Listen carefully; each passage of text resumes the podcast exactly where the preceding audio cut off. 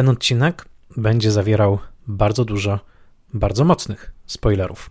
Jeżeli jeszcze nie widzieliście filmu Dobrzy Nieznajomi, All of Us Strangers, Andrew Haga, który w momencie nagrywania tego odcinka w lutym 2024 roku jest obecny na polskich ekranach kinowych, wybierzcie się najpierw na film. W ramach zachęty powiem, że występują w nim dwaj aktorzy, którzy są obecnie bardzo podziwiani i lubiani, to znaczy Andrew Scott, Moriarty z serialu o Sherlocku Holmesie i Paul Mescal, nominowany do Oscara za rolę w filmie After Sun, a wcześniej zachwycający w serialu Normalni Ludzie. A teraz, skoro już obejrzeliście film, albo naprawdę nie boicie się spoilerów, zapraszam na odcinek. Odcinek, który będzie wyjątkowy jak sam film Andrew Haga. Postanowiłem podzielić go na rozdziały. Rozdział pierwszy. Wyciskacz łez. Wyciskacz łez to fraza, którą zazwyczaj wypowiada się z pogardą. Film wyciska z nas łzy, tak jak można wyciskać sok z owoców. Sugeruje to proces utylitarny, przemysłowy, masowy, mechaniczny.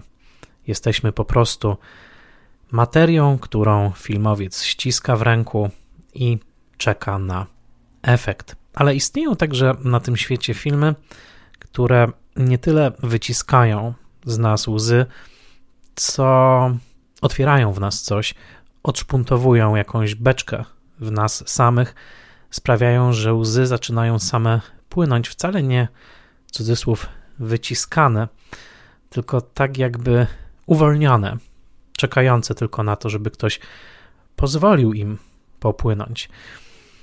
Kusi mnie zatem, żeby film Dobrzy Nieznajomi Andrew Haga określić mianem nie wyciskacza łez, ale uwalniacza łez. Filmu, który uwalnia to wszystko, co w nas niewypłakane i z którego wychodzimy czystsi, obmyci niejako tymi łzami.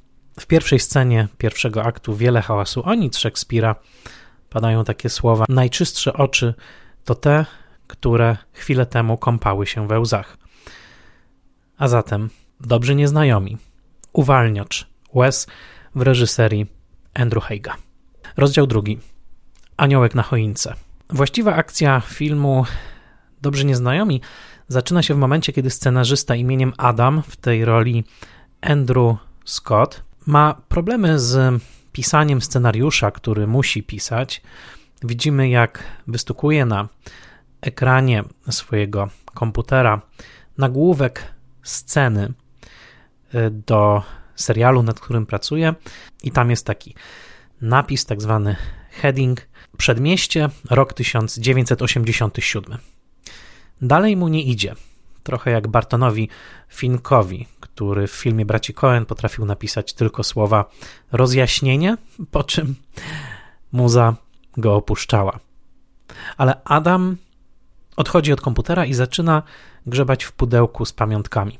W tym pudełku odnajduje małego tekstylnego aniołka, takiego jakiego można umieścić na szczycie choinki bożonarodzeniowej. I to ten aniołek staje się rodzajem talizmanu, być może nawet przepustki do świata równoległego, do którego już za chwilę Adam wstąpi. Film Dobrzy Nieznajomi jest filmem bardzo subtelnym, wybitnie wyreżyserowanym i bardzo delikatnym w krokach, jakie stawia w dwóch równoległych rzeczywistościach. W rzeczywistości codziennej Adama i w tej rzeczywistości przyległej, duchowej, być może nawiedzonej, w której już niedługo Adam spotka się z duchami. Subtelność warsztatowa filmu Andrew Haga polega na tym, że nie do końca wiemy, w którym momencie te dwa światy zostają uruchomione, a zwłaszcza kiedy Adam przekracza granicę między nimi. Ale to właśnie ten aniołek, chociaż w tym momencie reżyser nie daje nam jeszcze znać, razem ze swoim operatorem Jamiem Ramseyem Andrew Haig pracuje w taki sposób, że te dwa światy, ten realny i ten równoległy, są podobnie oświetlone, skonstruowane. Obydwa wydają się trochę niecodzienne, przez co następuje idealne stopienie tych dwóch rzeczywistości, ale e, kiedy patrzymy wstecz, możemy powiedzieć, że to właśnie ten aniołek wyjęty z pudełka jest rodzajem talizmanu, który pozwoli już bardzo niedługo Adamowi przekroczyć granicę dwóch światów. Ten aniołek pojawia się później w scenie, która na poziomie inscenizacji jest popisem prostoty. Oto Adam wchodzi do ciepło oświetlonej bawialni living roomu w domu swoich rodziców. To także dom rodziców Andrew Heiga, albowiem tam zdecydował się kręcić reżyser. Podkreślam to, ponieważ film jest wyraźnie autotematyczny i Adam świadkuje, jak rodzice stroją bożonarodzeniową choinkę. Mama nuci pod nosem piosenkę, która najsłynniejsze swoje wykonanie zawdzięcza zespołowi Pet Shop Boys. To wykonanie z roku 1987, której słowa sprowadzają się do zapewnienia o miłości, a jednocześnie do przeprosin. Może nie traktowałam cię tak, jak powinnam, może nie dawałam ci znać o swoich uczuciach tak, jak powinnam, ale pamiętaj, zawsze byłeś w moich myślach. You were always on my mind. Tę piosenkę spopularyzowała na początku lat 70. Brenda Lee, ale to wykonanie Pet Shop Boys z roku 1987 jest najsłynniejsze i najważniejsze dla Andrew Heiga. Pojawia się na ścieżce dźwiękowej także w wykonaniu Pet Shop Boys. Właśnie. Rodzice pozwalają synowi umieścić na szczycie choinki owego aniołka. Chyba nie ma wątpliwości, że on także dla nich jest kimś takim właśnie. Aniołkiem, rodzajem cudu, przedmiotem miłości, ale jak piosenka wskazuje, miłości, która chyba nie jest dostatecznie wyartykułowana, a przynajmniej miłości, która ogromne obszary pozostawia niewypowiedzianymi, nienazwanymi. W relacji rodziców Adama z nim, w relacji rodziców z synem w tym filmie, pewne obszary pozostają tabu. Ten film jest dokładnie o tym, jak bolesnymi obszarami okazują się te stabilizowane przestrzenie dla syna, który tracąc rodziców w wypadku, kiedy ma tylko 11 lat, przez kolejne 30 parę mierzy się z milczeniem, które nigdy nie zostało pomiędzy nimi rozliczone. W scenie, o której mówię, rodzice Adama są duchami, są młodsi od niego, co już samo w sobie jest dosyć niesamowitym obrazem. W rodziców wcielają się Claire Foy i Jamie Bell, pamiętny jeszcze ze swojej chłopięcej roli w Billim Eliocie.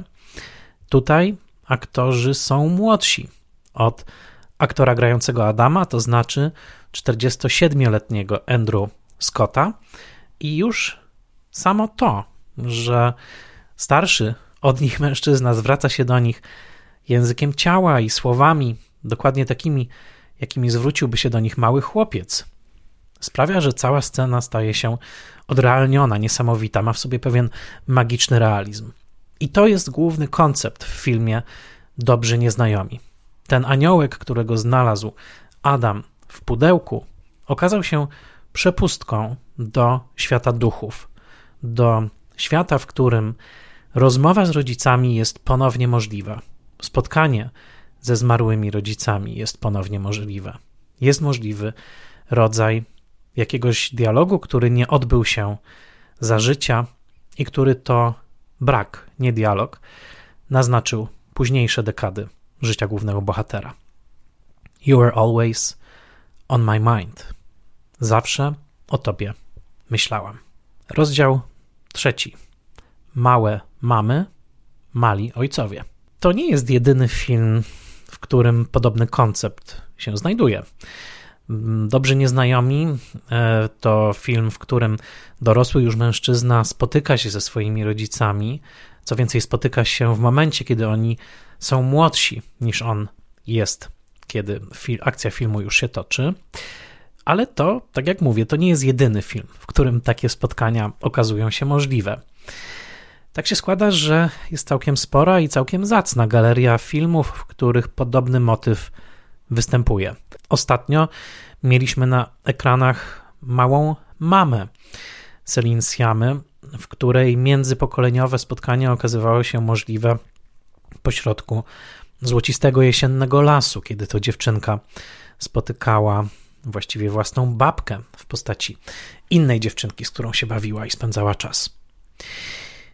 To film bardzo nowy, bardzo doceniony. Zresztą rozmawiałem o nim w Spoilermasterze z Adrianą Prodeus. Odsyłam do tamtego odcinka, ale dla mnie chyba filmem, który najbardziej mnie wzruszył sceną takiego spotkania niemożliwego, to niepozorny film z filmografii Francisa Forda Coppoli. E, Peggy Sue wyszła za mąż. To jest film, o którym sam Coppola mówił, że zrobił go tylko dla pieniędzy. Odsyłam do odcinka o Ojcu Chrzestnym 3, ale tak naprawdę to jest film, który jest jednym z jego najbardziej osobistych filmów. E, tam Kathleen Turner, rozwodząca się właśnie i patrząca na swoje życie jako na porażkę, z niewiadomych przyczyn cofa się w czasie do lat 60. i tam ma szansę nie popełnić tych wszystkich błędów, które popełniła później, ma szansę mm, przede wszystkim nie wejść w małżeństwo z mężczyzną, który później okaże się dla niej wiarołomnym mężem, ale jest w tym filmie scena, w której już wracająca ze szkoły Peggy Sue wraca do swojego rodzinnego domu, słyszy głos matki dobiegający z kuchni, zbliża się do tej kuchni i rzuca się matce na szyję. Matkę gra cudowna Barbara Harris. E, I w tym spotkaniu jest coś niesamowitego. Zawsze ta scena niebywale mnie wzruszała od pierwszego seansu Peggy Sue. Mm, Peggy Sue tak naprawdę po raz pierwszy widzi swoją matkę, w pewnym sensie po raz pierwszy obdarza ją tą pełnią miłości, mm, ponieważ wie już, czym jest utrata jej e, z perspektywy kobiety dorosłej. Podobny rejestr emocjonalny odnajduje właśnie w Dobrych Nieznajomych. E, diapazon filmów, w których podobny wątek się pojawia, jest dosyć szeroko rozpięty. Nakarmić kruki Carlosa Saury to arcydzielna próba stworzenia magicznej rzeczywistości, subtelnie wypowiedzianej, powiedziałbym równie subtelnie konstruowanej jak rzeczywistość filmu Heiga, w którym mała Anna Torrant co róż spotyka się z duchem swojej matki, granej przez Geraldine Chaplin, a w finale Geraldine Chaplin okazuje się także głosem małej Anny. To zapętlenie ontologiczno-spirytualne jest bardzo podobne w swoich zarysach i wykonaniu, jak to salto ontologiczne, które kilkakrotnie wykonuje Andrew Haig w swojej filmowej perełce. Ale po drugiej stronie tej skali na pewno znajdziemy też chociażby Powrót do przyszłości, Back to the Future Roberta Zemeckisa, w którym młokos Marty McFly, e, Michael J. Fox spotyka swoich rodziców, cofając się do lat 50. do małomiasteczkowej Ameryki e, i e, co gorsza, w edypalnym, komediowym zwrocie akcji staje się obiektem westchnień własnej nastoletniej matki. To komediowe potraktowanie tego toposu, w którym dorosłe już, albo w przypadku tego filmu znajdujące się na progu dorosłości, dziecko spotyka swoich rodziców, tyle że jako młodszych ludzi i przez to spotyka się także z samym sobą. Rozdział czwarty. I want you to take care of that Harry boy. Chcę, żebyś zaopiekował się tym chłopcem imieniem Harry. Tak mówi matka Claire Foy do swojego syna Adama po tym już jak Adam przedstawił matce, chociaż mechanika tego przedstawienia i tego zakrzywienia światów jest dosyć skomplikowana, ale po tym jak matka już nie żyjąca od wielu lat zobaczyła partnera swojego syna, czyli właśnie Harego, zagranego przez Paula Mescala i tymi słowami matka niejako błogosławi tę relację. Kluczowe słowa, które tu padają, to take care, zaopiekować się. Kim jest bowiem Harry? Harry jest mężczyzną, który mieszka w tym samym wieżowcu co Adam. Wieżowiec wydaje się całkowicie opuszczony. Jego upiorna pustka jest jednym z elementów, które popychają dobrych nieznajomych w stronę kina sci-fi, a może nawet kina grozy, ale w bardzo subtelnym wariancie. Któregoś wieczoru w tym upiornym, jako się rzekło, wieżowcu zaczyna wyć alarm przeciwpożarowy i Adam rutynowo wychodzi na zewnątrz zgodnie z zaleceniami BHP, chociaż nie za bardzo widać, kto w tym budynku miałby sprawdzać, czy faktycznie z tego mieszkania wyszedł. Patrzy na swój budynek, który jest całkowicie ciemny, w jednym tylko oknie mruga światełko. I w tym oknie stoi właśnie Harry. Harry, który już niedługo, pijany, z butelką whisky w ręku, w różowej bluzie dresowej zapuka nocą do drzwi Adama i złoży mu erotyczną propozycję. Adam ją odrzuci, chociaż będzie widać, że będzie bardzo ze sobą walczył. Nic dziwnego, Harego gra Paul Mescal, w którym chyba obecnie kocha się cały świat. I ten hetero, i ten homoseksualny, i każdy inny, ponieważ trudno w Polu Mescalu się nie zakochać. Pamiętny z roli dręczonego depresją ojca w filmie Charlotte Wells After Sun, która przyniosła mu nominację Oscarową, Paul Mescal wnosi w rolę Harego swoją nieprawdopodobną delikatność, wielkie niebieskie oczy, które wydają się nie ukrywać niczego poza być może rozmiarami smutku, które trawią jego bohaterów. I Paul Mescal jest obok Andrew Scotta drugim wspaniałym irlandzkim aktorem, ponieważ obydwaj panowie są Irlandczykami, który obecnie chyba uwodzi wyobraźnię całego filmowego uniwersum. Zaryzykowałbym tezę, że chyba nie było od czasów młodego Alberta Fineya, który w 1963 roku oczarował erotycznie cały świat swoją rolą Toma Jonesa, takiego aktora z szeroko pojętych Wysp Brytyjskich, który w tak e, krótkim czasie tak całościowo e, opanowałby wyobraźnię globu. Obecnie Paul Mescal występuje już w drugiej części Gladiatora Ridleya Scotta. E, to ciekawe, bo przy pierwszej części jako pomocnik montażysty pracował Andrew Haig, czyli reżyser Dobrych Nieznajomych. E, zobaczymy, jak tam zaprezentuje się Mescal już jako hollywoodzki gwiazdor, ale nie ulega wątpliwości, że jego serialowa e, rola w Normalnych Ludziach, filmowa rola w After Sun, a także pewien rodzaj serdeczności, otwartości, jaki prezentuje w wywiadach, sprawił, że Paul Mescal stał się z miejsca, od razu i zasłużenie jednym z najulubieńszych aktorów światowego kina. Dobrzy nieznajomi dużą część swojego uroku i siły zawdzięczają właśnie tej nagiej i ciepłej prawdzie emocjonalnej, jaką w rolę pragnącego intymności Harego, pukającego do drzwi Adama wnosi właśnie Paul Mescal. Obsadzając w swoim filmie tych dwóch ukochanych Irlandczyków dnia dzisiejszego, wydaje mi się, że Andrew Haig trafił absolutnie w dziesiątkę. Harry, który mm, w pierwszym momencie zostaje odrzucony przez Adama, już wkrótce zostanie jednak do Adama dopuszczony. Rozpocznie się ich namiętny bardzo od samego początku romans, który jednak powoli zacznie ujawniać swoje ciemniejsze podbrzusze, a w finale ujawni podbrzusze najciemniejsze, najbardziej mroczne, tragiczne. W miarę rozwoju akcji w miarę też jak Adam zaczyna odwiedzać swoich rodziców, po każdym powrocie z tego świata duchów, Adam zbliża się do Harego coraz bardziej i w końcu zabiera go także do nocnego klubu, w którym wcześniejsze sugestie zostają potwierdzone. E, Harry najpewniej także zmaga się z depresją i co gorsza, e, próbuje ją leczyć narkotykami. E, Harry pod tym względem na pewno potrzebuje opieki, potrzebuje tego ramienia, na którym mógłby się wesprzeć. Matka Adama ma rację, kiedy mówi synowi: I want you to take care of that Harry boy. Jak sam Harry mówi, u jego drzwi mieszkają wampiry. Rozdział 5. I don't want to set the world on fire.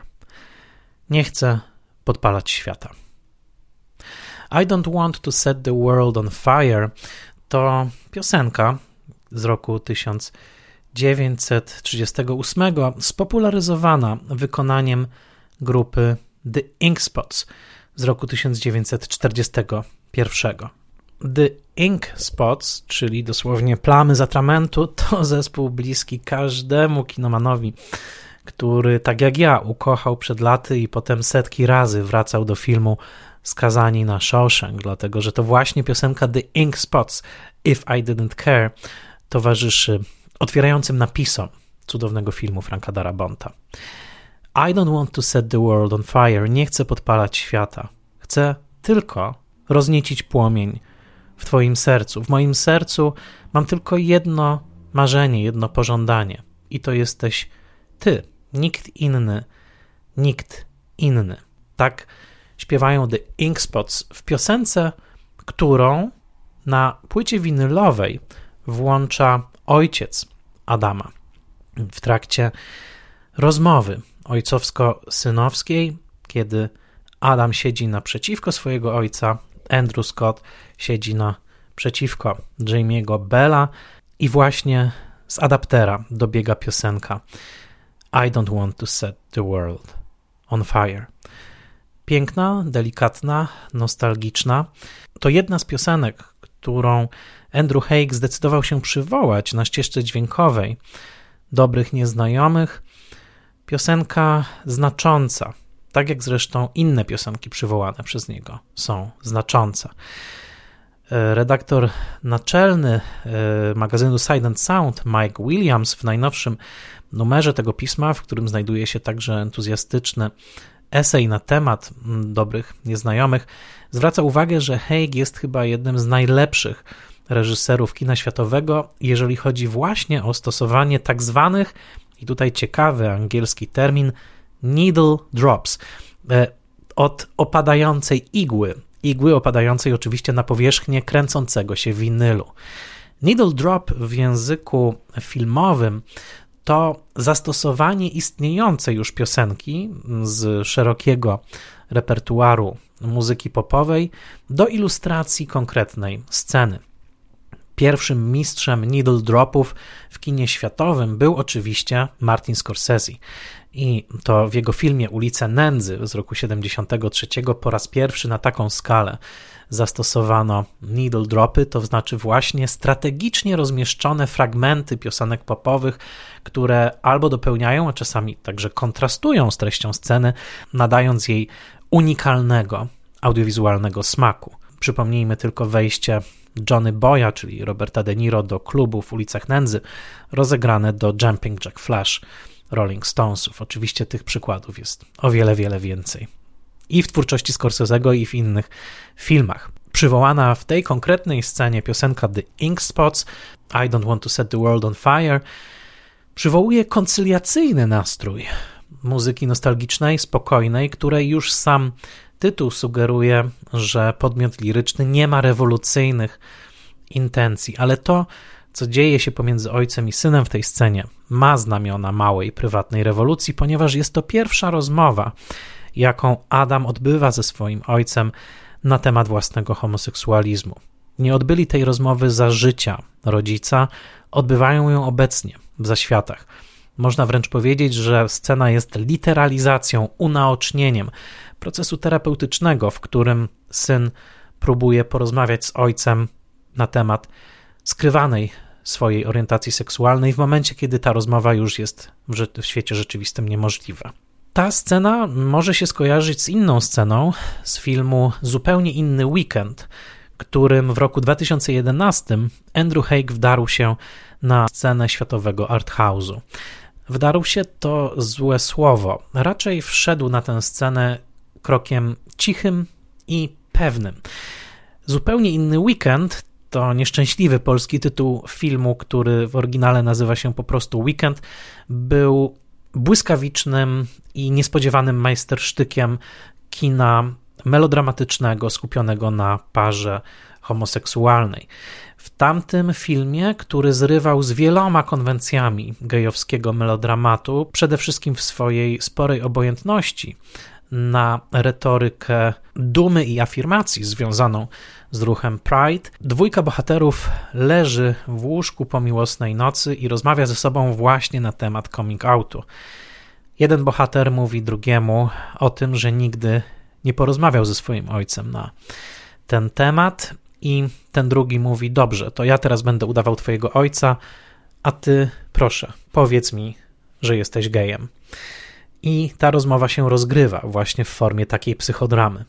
13 lat później Andrew Haig w filmie Dobrzy Nieznajomi inscenizuje już podobny dialog w skali 1 do 1. Przypomnę, scena kręcona jest w domu rodzinnym Andrew Haiga, a zatem mówimy o filmie, raz jeszcze to podkreślę, bardzo osobistym. Całe szczęście rodzice Heiga żyją i mają się dobrze, ale scena będzie błyskawicznie rozpoznawalna dla każdej osoby, która taką rozmowę w swoim życiu odbyła. Co więcej, tego typu rozmowy najczęściej muszą się odbyć dwa razy, albowiem często zdarza się, że tego typu rozmowa odbywana jest najpierw z jednym, a potem drugim rodzicem. Tak samo jest w filmie Heiga, w którym mamy dwie rozmowy z duchami rozmowę z mamą i rozmowę z tatą. Rozmowa z tatą rozdziera serce w kilku momentach, ale chyba najbardziej w tym, w którym syn pyta ojca, dlaczego nie wszedł do jego pokoju, kiedy słyszał, że syn łukał w poduszkę. Ojciec odpowiada, że chyba czuł podskórnie, że bliżej mu było do tych chłopców, którzy szydzili z jego syna w szkole, z jego odmienności, niż do kogoś, kto w tym momencie mógłby być dla niego oparciem. Słowa jednocześnie szczere i porażające, które dotykają sedna homofobicznego tabu, które do dzisiaj rozrywa bardzo wiele rodzin, nie pozwalając na rozmowę pomiędzy ojcami i synami. Rozmowa z matką, genialnie zagrana przez obydwoje aktorów, ponieważ Claire Foy daje w tej kuchennej rozmowie absolutnie wszystko z siebie jako aktorka.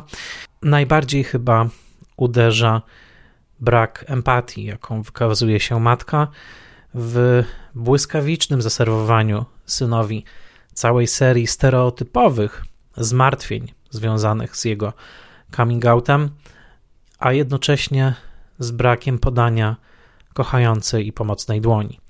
Ta scena jest porażająca, jest porażająco zagrana przez obydwoje aktorów. Omija wszystkie możliwe pułapki i mielizny tego typu sceny. To nie jest scena, która wzbudzałaby gniew przeciwko matce. To jest scena, która pokazuje, że w sam język rozmowy, jaką obserwujemy, został wmontowany szereg bezpieczników i szereg opakowanych drutem kolczastym słów, które pod pozorami troski tak naprawdę przemycają mocne pchnięcie odrzucenia.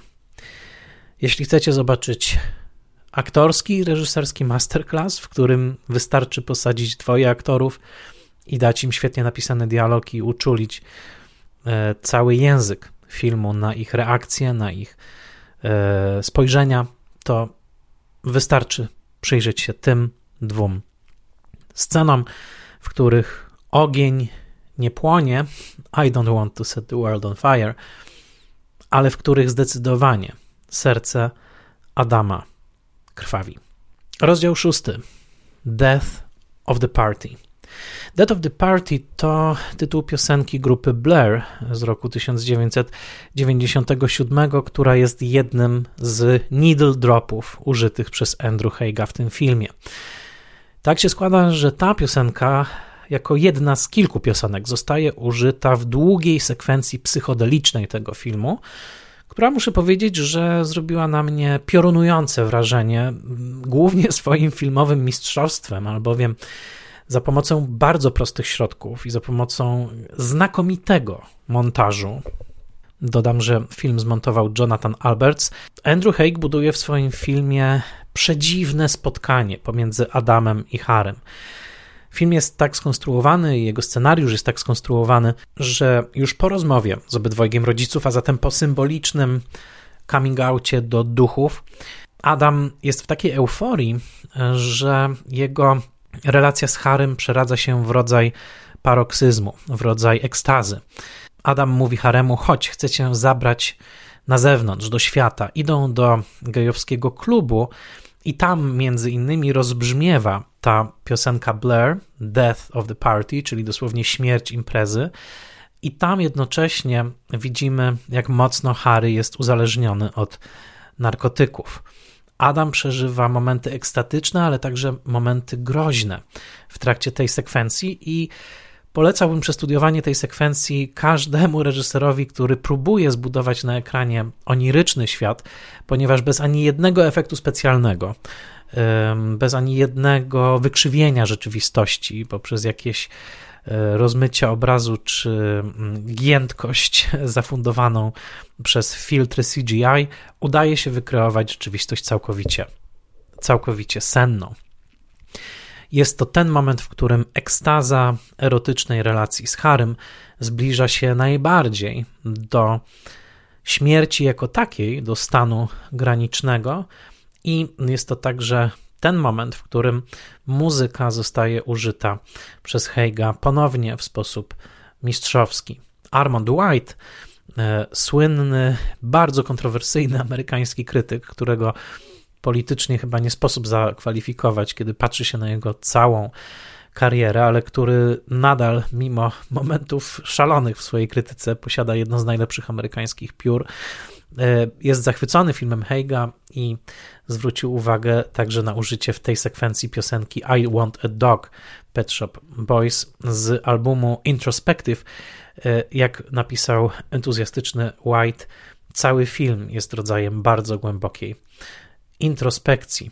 I w tej sekwencji, jak pisze, osamotnione pożądanie, jakie trawi Adama, zostaje zwielokrotnione. Tak, ta sekwencja jest o rodzaju głodu, który był wypierany całymi latami.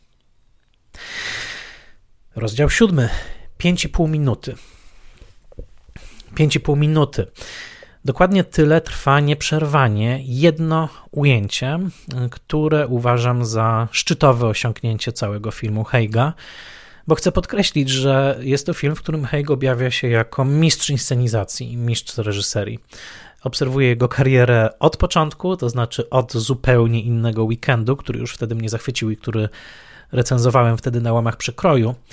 Natomiast to, w jaki sposób on opowiada, subtelność jego języka była potem ewidentna, także w filmach takich jak 45 lat z 2015 roku, w serialu Spojrzenia, Looking na HBO, ale także w jego westernie, tak, w westernie Coming of Age, jaki zrobił w 2017 roku, Polegaj na mnie, dostępny na polskich streamingach i w świetnym serialu kostiumowym, jaki nakręcił Na Wodach Północy. To serial dziejący się na statku wielorybników. E, znakomita rzecz, obecna między innymi na HBO. Haig e, w ujęciu tym 5,5 minutowym pokazuje się jako arcymistrz współczesnego kina. E, na czym polega ujęcie? Adam pełza do łóżka rodziców, kładzie się pomiędzy ojcem i matką w geście, który jest kojarzony właśnie z dzieciństwem, z takim wtuleniem się w rodziców i zaczyna długą rozmowę z matką, która opowiada mu o tym, jak wiele lęków miał jako mały chłopiec. Bał się wścieklizny, bał się wojny atomowej. To nic dziwnego, jeżeli chodzi o chłopca, który dorastał w e, świecie lat 80. Ta rozmowa o lęku, o strachach jest długa i e, jednym ruchem kamery zostaje ujawniony jej oniryczny charakter, albo inaczej bardziej oniryczny niż dotychczasowe spotkania z duchami, ponieważ w pewnym momencie kamera wykonuje delikatny zwrot i widać, że zamiast ojca leży już obok Adama Harry. Wcześniej na twarzach bohaterów pojawia się delikatnie zaznaczone, przemazujące się światło policyjnej syreny. To jeden z sygnałów nawiązujący do wypadku samochodowego, w którym zginęli rodzice Adama. Jednym światłem i jednym przesunięciem kamery Andrew Haig potrafi zdziałać cuda, bo pojawienie się Harego w tym momencie ma charakter trochę przerażający, jednocześnie bardzo komplikujący ten psychoseksualny węzeł, który tkwi w środku bohatera, który tkwi w środku każdego z nas. I sprawia, że jesteśmy już naprawdę na takim wysokim, wysokim poziomie oniryczności, którego nie powstydziłby się moim zdaniem nawet arcymistrz David Lynch. Zresztą jedno z ujęć, w którym odbicie Adama w szybie jadącego wagoniku metra staje się spotworniałym maszkaronem, jest jakby wyjęte z Lyncha, na co już kilkoro komentatorów zwróciło uwagę. A zatem, jeżeli chcecie zobaczyć, jak jednym ujęciem pozbawionym cięcia, trwającym tak długo, wymagającym tak dużo od aktorów, i jednym ruchem kamery, jednym świetlnym refleksem można zbudować tak dużo e, i na poziomie e, emocji, i na poziomie ekspresji filmowej, no to to 5,5 minutowe ujęcie jest dowodem numer jeden w tej sprawie. Dodam, że dotyczy to samo dźwięku, ponieważ film ma niebywale wyrafinowany pejzaż dźwiękowy. Zwrócę tylko uwagę na jeden malutki element, mianowicie w momencie, kiedy Adam zaczyna po raz pierwszy krążyć po świecie swojego przedmieścia z dzieciństwa. Jeszcze nawet nie wiemy, że za chwilę spotka duchy. Na razie widzimy tylko, że podąża za pewnym mężczyzną, to właśnie Jamie Bell. Podejrzewamy, że może to być nawet próba jakiegoś podrywu. E, jeszcze nie wiemy, że to jest de facto jego ojciec. To w momencie, w którym widzi go za szybą sklepu, nagle w tle rozlega się odgłos pisku opon hamujących na asfalcie delikatna zapowiedź tego, że temat wypadku samochodowego będzie kluczowy i że to właśnie w takim wypadku zginęli rodzice Adama. E, jeśli cały ten film jest rodzajem żałobnego, queerowego trenu, skonstruowanego z najdelikatniejszych materii, takich jak dźwięk, błysk, odbicie światła w oku i delikatne muśnięcia, gesty, zmysłowość na poziomie najbardziej subtelnym, to powiedziałbym, że Andrew Haig i jego kino uzyskują w Dobrych Nieznajomych rodzaj apoteozy. Nie umiem inaczej określić wrażliwości reżyserskiej Andrew Haiga, a znam jego wszystkie filmy, jak w ten sposób. Powiedziałbym, że jest to reżyser obdarzony namiętnie dobrym smakiem. To jest reżyser, który słynie z bardzo dobrze zrealizowanych, sugestywnych scen erotycznych, w których stał się nawet, e, można powiedzieć, mistrzem współczesnego kina, które jednocześnie nigdy nie przekraczają granicy wulgarności, mimo że są naprawdę odważne. A z drugiej strony jest to reżyser, który naprawdę wydaje się alergicznie usposobiony w stosunku do wszelkiej mm, przesady, do wszystkiego, co byłoby po prostu utrzymane w złym guście, e, co byłoby E, zbyt brutalne wobec widza, co miałoby znamiona jakiegoś taniego chwytu. W zasadzie tylko ostatnie ujęcie tego filmu, ale o nim jeszcze wspomnę, zahacza o coś takiego, ale powiem o tym na samym końcu odcinka. Rozdział ósmy. Pałeczki po rodzicach.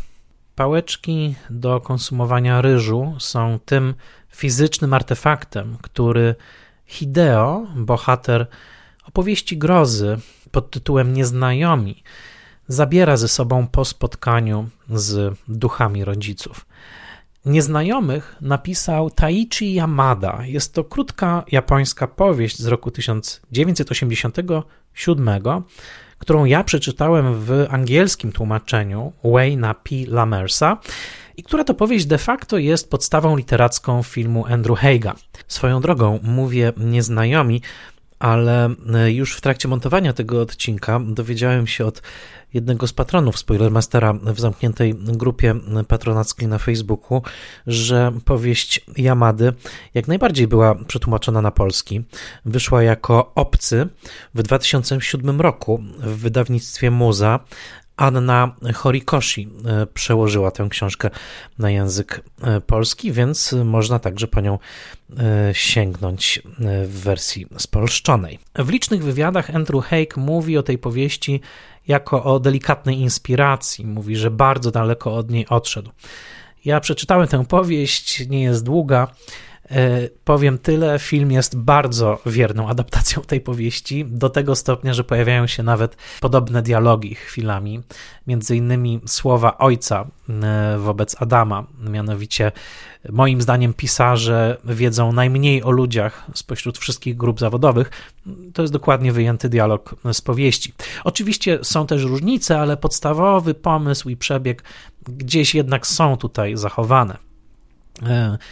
Hideo, czyli bohater powieści Yamady, ma 47 lat, czyli tyle, ile Andrew Scott w momencie grania tej roli. E, przy czym u Yamady on jest rozwodnikiem, z synem, to też ważne, bo pod koniec powieści nawiązuje ponownie kontakt ze swoim synem. Ten kontakt jest nadwyrężony niedawnym rozwodem. I w powieści Hideo pozna- też mieszka w biurowcu, który co prawda za dnia jest zaludniony przez pracowników biurowych, w nocy się wyludnia i w nocy mieszka tam tylko jeszcze jedna kobieta. E, ona ma na imię Kay.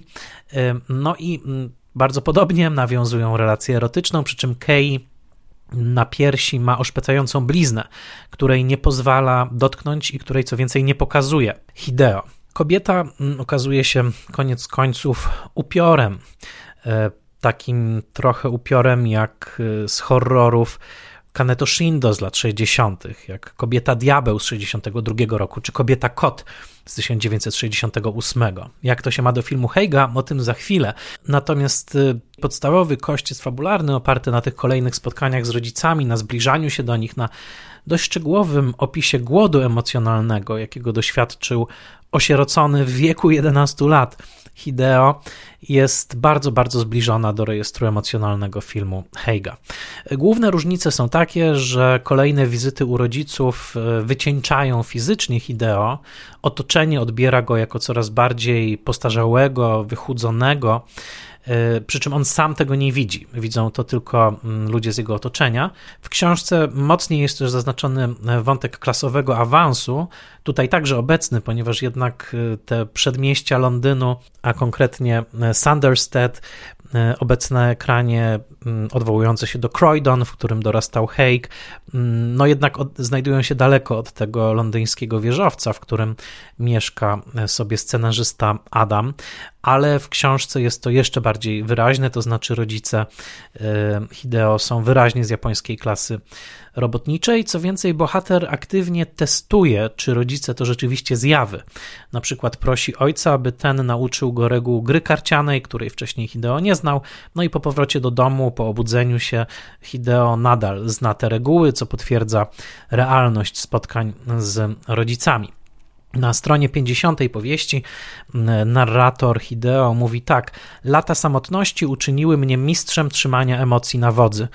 Myślę, że to jest dokładnie to, co możemy powiedzieć o Adamie, który odcina się od swoich emocji. W pewnym momencie mówi Haremu: Moi rodzice zginęli. Harry mówi na to: Przykro mi. Adam mówi: To było dawno. Na co Harry odpowiada: No, to chyba nie ma znaczenia. E, więc tak, Adam jest także kimś, kto długo nie pozwolił sobie na wypłakanie. Pod tym względem jest bardzo podobny do bohatera Taichi Yamady. Co ciekawe, e, wypadek, e, w którym zginęli rodzice Hideo w powieści, to był wypadek rowerowy. Oni jechali na rowerze, matka była w ciąży.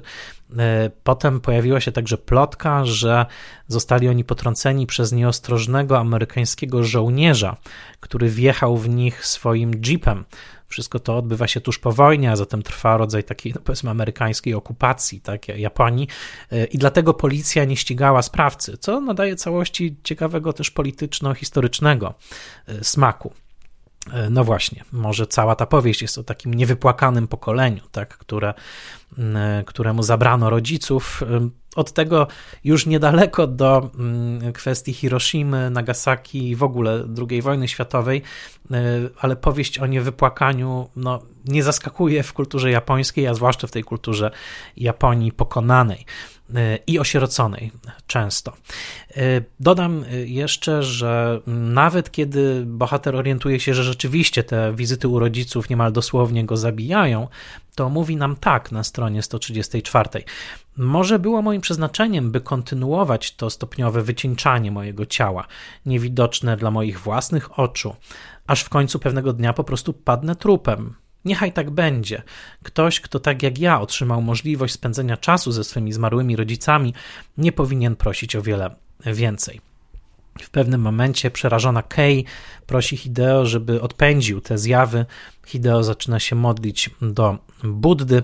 E, to także ciekawa, mm, ciekawa scena. E, warto też wiedzieć, że ta powieść była już raz przeniesiona, przeniesiona na e, ekran kinowy, mianowicie w roku 1988 właśnie w konwencji horrorowej nakręcił swój film pod tytułem ja tylko znam go pod tytułem angielskim, bo można go obejrzeć w internecie na stronie internetarchive.org. Mianowicie Nobuhiko Obayashi nakręcił film pod tytułem Discarnates, czyli dosłownie ci, którzy nie mają ciała. E, Obayashi jest najbardziej znany z kultowego filmu. Polecam, jeśli ktoś nie widział, naprawdę ten film to seans jak żaden inny, czyli film pod tytułem Dom Hausu z roku 1977. The Discarnates powstali w roku 1988 i są zdecydowanie bliżsi konwencji gatunkowej, właśnie takiego horroru około upiornego, który gdzieś tam mierzy się z wojennymi i nie tylko traumami japońskimi, jakimi jest źródłowa powieść Taichi Yamady, która, powtórzę, to dostarczyła e, Heigowi trochę więcej niż on sam w wywiadach przyznaje, ale oczywiście w napisach nazwisko Yamady jest obecne. Dodam jeszcze na marginesie, że film e, Obayashiego jest naprawdę bardzo ciekawy i skąpany w takiej operowej chwilami grozie. E, konfrontacja z kobietą upiorem w finale rozgrywa się w rytm e, arii z Pucciniego i mnóstwo scen, w których bohater obcuje z rodzicami, jest skąpanych w takim bardzo ciepłym, nostalgicznym świetle. Wydaje mi się, że to jest film przeniknięty takim duchem E, nostalgii, ale także jakiejś nieodbytej żałoby, która może się odbyć tylko w sferze e, fikcji filmowej czy literackiej.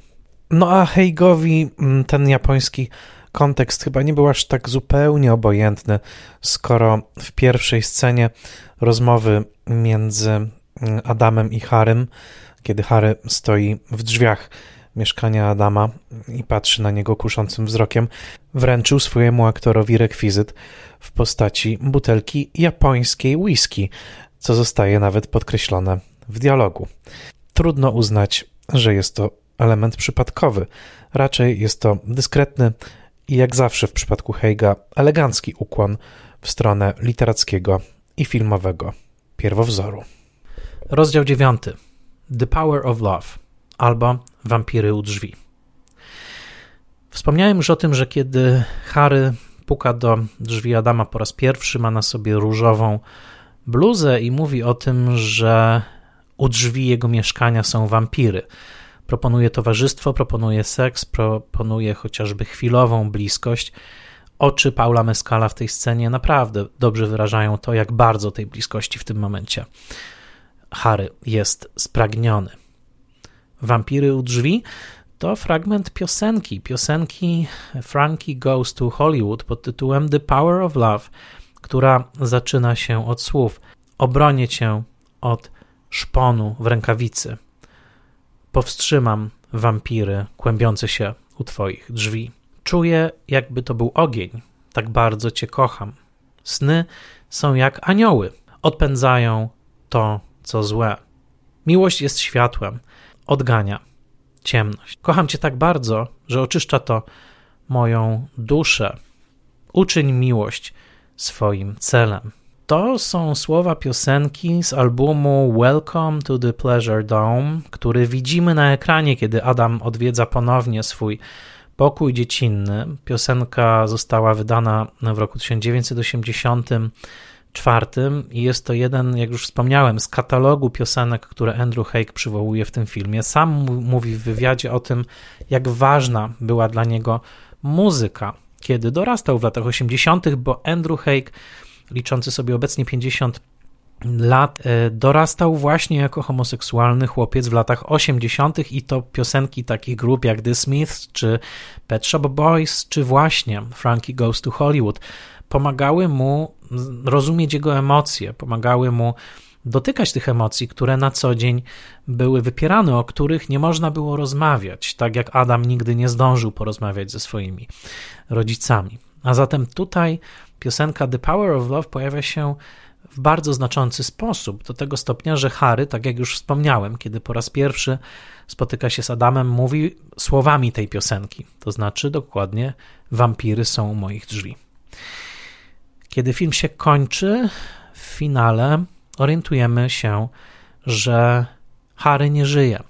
Harry był zjawą, Harry był duchem, tak jak w powieści Taichi Yamady, gdzie Kei była samobójczynią, która zadała sobie śmierć siedmioma pchnięciami noża, tak Harry nie żył przez całą tę opowieść.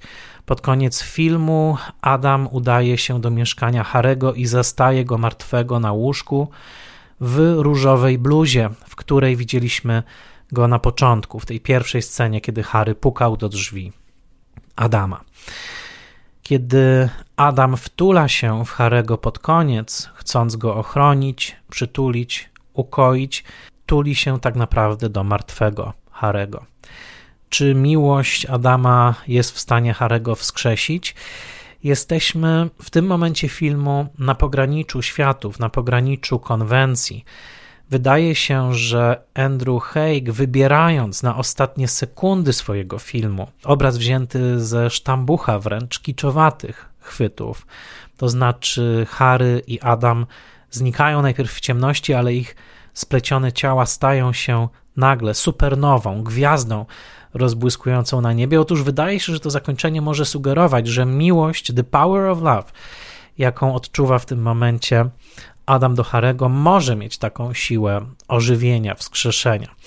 Tak jak wspomniałem, to jest chyba jedyny moment w twórczości Andrew Heiga, który moim zdaniem ociera się o kicz i w pierwszym momencie ten moment mnie odrzucił. Do teraz uważam, że jest on dyskusyjny.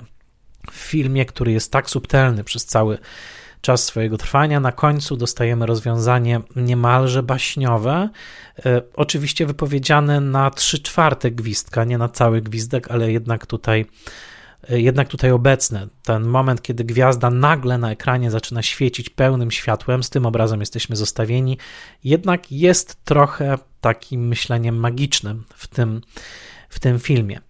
E, Obejrzałem ten film drugi raz, już trochę mm, łagodniej podszedłem do tej sceny, bo pomyślałem sobie, że są takie ogromne obszary kina, które e, miłosne opowieści o bohaterach heteroseksualnych przez dziesięciolecia sobie zawłaszczyły, jak na przykład metafizyczne zakończenie, w którym miłość okazuje się mocniejsza od śmierci, że w tym geście Heiga może po prostu jest jakiś jakaś próba korekty, jakaś próba przypomnienia, że e, miłość e, pomiędzy mężczyznami może mieć dokładnie ten sam wymiar uzdrawiający, wymiar metafizyczny, e, który ma miłość heteroseksualna. I w tym sensie być może także My mamy prawo do naszego kawałka kiczowatej nadziei. Y, I tutaj bym się przychylił do Heiga. Nadal mam jednak z tym zakończeniem pewien problem, natomiast nie ulega żadnych wątpliwości, że piosenka The Power of Love, która rozbrzmiewa wtedy za ekranu, jest integralną częścią tej kody. I mm, dodam, że z nią wiąże się także pewien wątek kryptoreligijny, który w tym filmie się przewija. Andrew Haig mówi o sobie jako ateiście, był wychowany w domu katolickim, jest to zresztą wspomniane w dialogu w tym filmie, kiedy to Adam próbuje pokazać domostwo haremu i mówi, przecież to jest nasza kuchnia, tutaj mama w piątek podawała rybę, udając, że jeszcze jesteśmy katolikami. Natomiast tych, tych znaczników religijnych jest tu więcej, bo oczywiście mamy Bożonarodzeniową choinkę, aniołka, e, i tak dalej. Myślę, że ja bym ten film określił jako postchrześcijański, to znaczy taki film, który co prawda w sferze deklaratywnej wydaje się e, filmem zrodzonym z agnostycyzmu, ale który jednak nie potrafi się oderwać do końca od tego imaginarium, od też od tej symboliki chrześcijańskiej, która tutaj co chwilę się jednak pojawia. Zbawcza moc miłości jakkolwiek nazwanej, to jednak jest leitmotyw chrześcijańskich opowieści. I tutaj The Power of Love jest ważnym jednak e, tropem, i to nie jest coś, co ja tutaj na siłę chcę temu filmowi imputować. Tylko raczej chcę przypomnieć, że okładka singla z tą e, piosenką e, to nie było już tylko nawiązanie do religii, tylko to było sięgnięcie wprost po ikonografię religijną, dlatego że na okładce tego singla e, z wokalem Holly'ego Johnsona w roku 1984 było po prostu przedrukowany reprint w niebowzięcia Najświętszej Marii Panny, XVI-wiecznego płótna Tycjana. I to była cała okładka tego, tego singla, więc e, przywołanie tej piosenki siłą rzeczy przywołuje także intencję za nią stojącą, a o tej intencji Holly Johnson, który był współautorem tej piosenki, ale także ją wyśpiewał, e, po latach powiedział, że zawsze, to już cytat, e, zawsze czułem, że The Power of Love to jest płyta, która ocali mnie w tym życiu. W tym nagraniu obecny jest biblijny aspekt i duchowość i pasja. Przesłaniem utworu jest to, że miłość jest jedyną siłą, która koniec końców się liczy.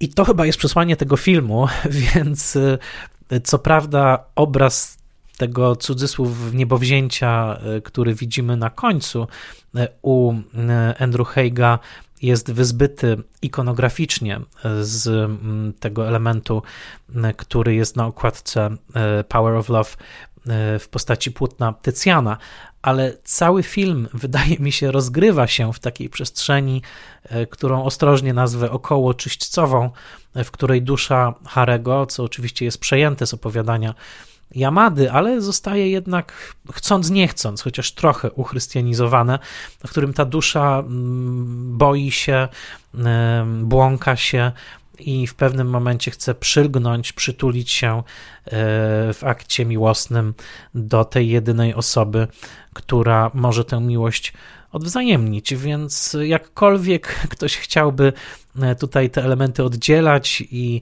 e, czyścić ten film z takich mm, okruszków, to wydaje mi się, że nie da się tego do końca zrobić. To znaczy, że po prostu i w wyobraźni Andrew Heiga, i w samym materiale literackim, w którym tak jak już wspomniałem, jedną z kluczowych scen jest modlitwa bohatera, który de deklaruje się jako agnostyk, ale w kluczowym momencie zaczyna się modlić do Buddy.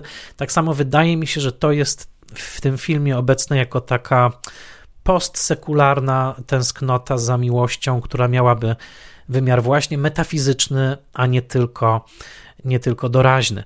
Ten film, y, który mierzy się także z całym dziedzictwem pokolenia y, homoseksualnych mężczyzn, które dorastało w świecie zdominowanym przez AIDS, y, przez lęki także związane z obecnością tej choroby, ale także z retoryką, jaką obudowało ją społeczeństwo, chcąc piętnować y, homoseksualistów mm, za to, kim byli.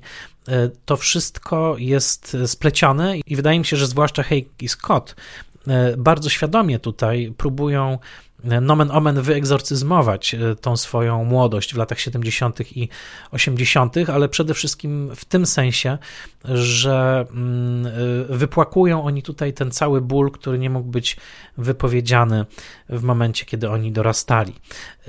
Scott urodził się w roku 1976, tak jak już wspomniałem, Andrew Haig urodził się w roku 73 i jest już duża różnica pokoleniowa, także w tym, jak oni mówią w wywiadach e, o swoim doświadczeniu e, dorastania, z tym, jak mówi o tym wszystkim Paul Mescal, urodzony w roku 1996, a zatem 20 lat młodszy od Scotta, który należy do pokolenia, w którym e, ta tematyka już nie jest tak stabilizowana, wręcz przynależy do mainstreamu i w którym cały ten balast lęku, strachu przed mm, nazwaniem swojej tożsamości, swojej natury jest już bardzo zmniejszony. To nie znaczy, że on jest nieobecny, ale e, wydaje mi się, że także poprzez to międzypokoleniowe połączenie Mescala i Scotta, e, tutaj Andrew Haig próbuje coś powiedzieć o bardzo konkretnym historycznie także doświadczeniu swoim i innych mężczyzn takich jak on, którzy dorastali w tym konkretnym czasie i którzy byli świadkami zmian obyczajowych, którzy też stają się z czasem beneficjentami tych zmian. Andrew Haig jest w związku małżeńskim ze swoim partnerem, wychowują e, adoptowaną córkę. Także to wszystko przynależy do zmian i postępów obyczajowych, które dokonały się w ostatnich dekadach, ale to nie zmienia faktu, że na tym najbardziej prymarnym poziomie, to znaczy właśnie więzów krwi z rodzicami i tej tradycji, w której Andrew Haig wzrastał, e, to poczucie i odmienności, ale przede wszystkim tego zbieranego przez wiele, wiele lat bólu, który tak długo nie mógł zostać wypowiedziany, wciąż domaga się jakiegoś, e, jakiegoś uwolnienia.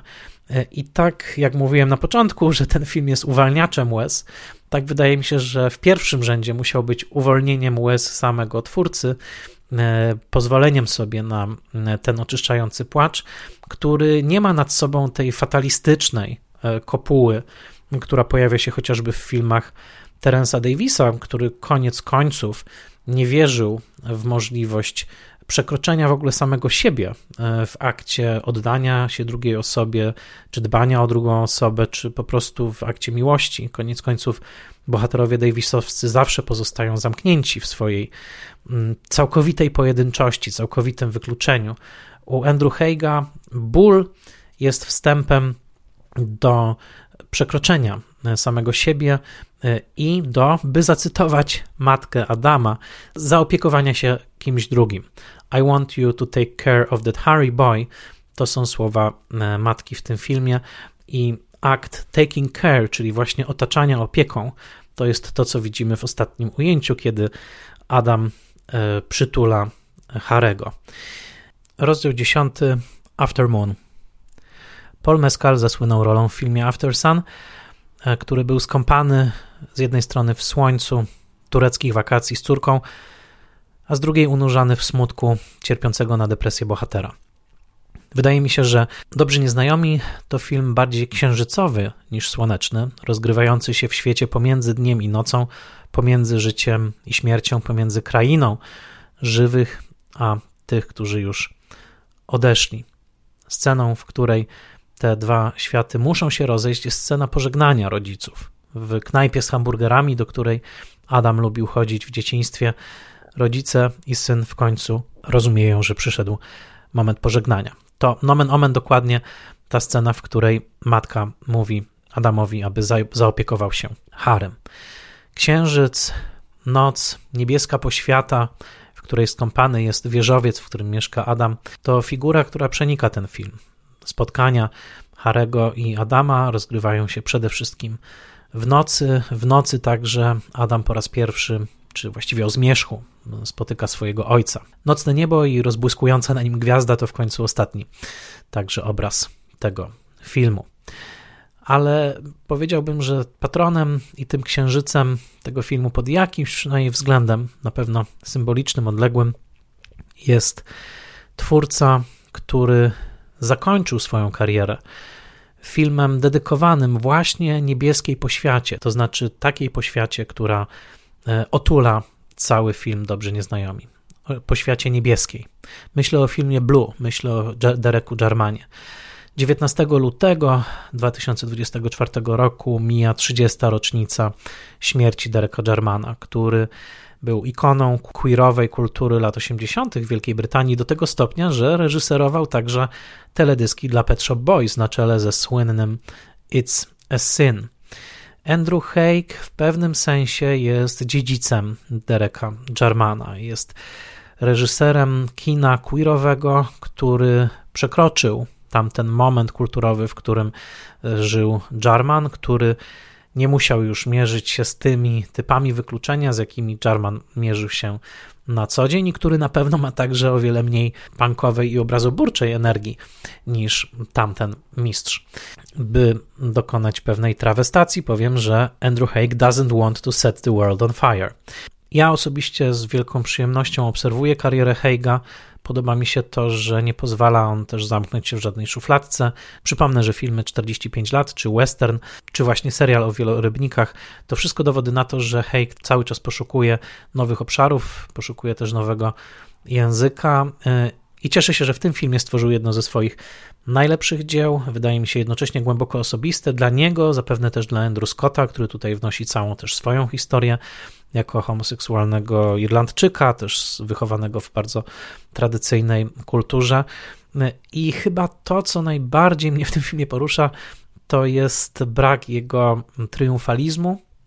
Raczej jest to film, który przypomina o tym, że śmiertelność, niespełnienie, e, także pewne rozminięcie się z ludźmi w naszym życiu, czy to za sprawą tragedii, która może nastąpić, czy to za sprawą e, po prostu naszej kondycji jako, jako niedoskonałych ludzi, że te mm, zjawiska mm, jakby nie znikają razem z aktami społecznej emancypacji. Te akty są ważne i Haig swoim filmem ich ani nie unieważnia, ani nie deprecjonuje, ani tym bardziej nie chce ich cofać, ale przypomina trochę o egzystencjalnej podszewce tego, czym jest samotność po prostu i mm, tego, że ta samotność może być niezależna od wszystkich e, postępów mm, dokonywanych w kulturze i wszystkich zmian obyczajowych, których jeszcze pewnie przed nami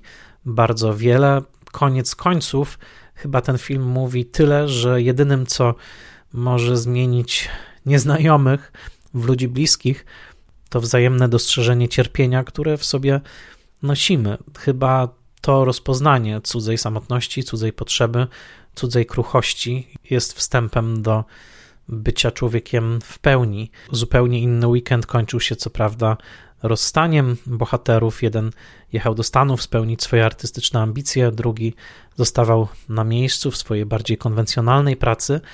Teraz, kiedy Andrew Haig odniósł już tak wielki artystyczny sukces na całym świecie, Pozostając przy okazji filmowcem niezależnym, oczywiście pracującym na niewielkich de facto budżetach, e, też myślę, że jest w tym momencie w swojej kariery dokładnie, w którym mógł wygłosić podobną pochwałę miłości, jaką, jaką są dobrzy nieznajomi, i, i bardziej zwrócić uwagę na to, że czasami, kiedy do naszych drzwi e, puka ta wystraszona osoba, która czuje, że przy jej drzwiach warują wampiry i potrzebuje pomocy w ich odgonieniu, że powinniśmy być uważni na to, kim ta osoba jest i czego w tym momencie potrzebuje i kim może stać się w naszym życiu, kim my możemy stać się w życiu jej, bo pewne rozminięcia mogą się okazać nienaprawialne albo naprawialne tylko w akcie filmowej fikcji, w której przytulenie kochanej osoby może nagle rozbłysnąć wielką jasną gwiazdą. Wysłuchaliście kolejnego odcinka podcastu Spoilermaster, podcast do słuchania po seansie. Ja nazywam się Michał Oleszczyk, jestem wykładowcą Wydziału Artes Liberales Uniwersytetu Warszawskiego, a ten podcast powstaje w całości po godzinach dzięki wsparciu patronek i patronów w serwisie patronite.pl. Jeżeli podobało Wam się to, co tu usłyszeliście, pomóżcie mi w tworzeniu tego podcastu dalej. Cotygodniowe premiery odcinków są możliwe tylko i wyłącznie dzięki wsparciu patronek i patronów. Szczególnie dziękuję patronkom i patronom imiennym, to znaczy Agnieszce Egeman, Sebastianowi Firlikowi, Joannie i Dominikowi Gajom, Odiemu Hendersonowi, Beacie Hołowni, Adamowi Andrzejowi Jaworskiemu, Annie Jóźwiak, Tomaszowi Kopoczyńskiemu, Jarkowi Krauzowi, Magdalenie Lal, Bartoszowi Filipowi Malinowskiemu z Bez Schematu, Misiowi, Misiowej i Misiowi Juniorowi, Magdalenie Miśce Jackowskiej z podcastu Score and the City, Jakubowi Mrozowi, Iwonie Oleszczuk-Jaźwieckiej, Annie i Krystianowi Oleszczykom, Władimirowi Panfiłowowi, Tomaszowi Pikulskiemu, Magdalenie Święch, Weronice Więsyk, Jackowi Wiśniewskiemu, Michałowi Żołnierukowi, podcastowi Let's Made Movies, czyli Jerzemu Zawackiemu i Tomaszowi Mączce, blogowi Przygody Scenarzysty, prezentującemu analizy scenariuszowe. Dodam, że ten odcinek powstał w całości w trakcie stypendium Polsko-Amerykańskiej Komisji Fulbrighta, Fulbright Slavic Award, na jakim przebywam w Chicago pomiędzy styczniem a czerwcem roku 2024. Bardzo Wam dziękuję za słuchanie i zapraszam, bo kolejny Spoilermaster już za tydzień.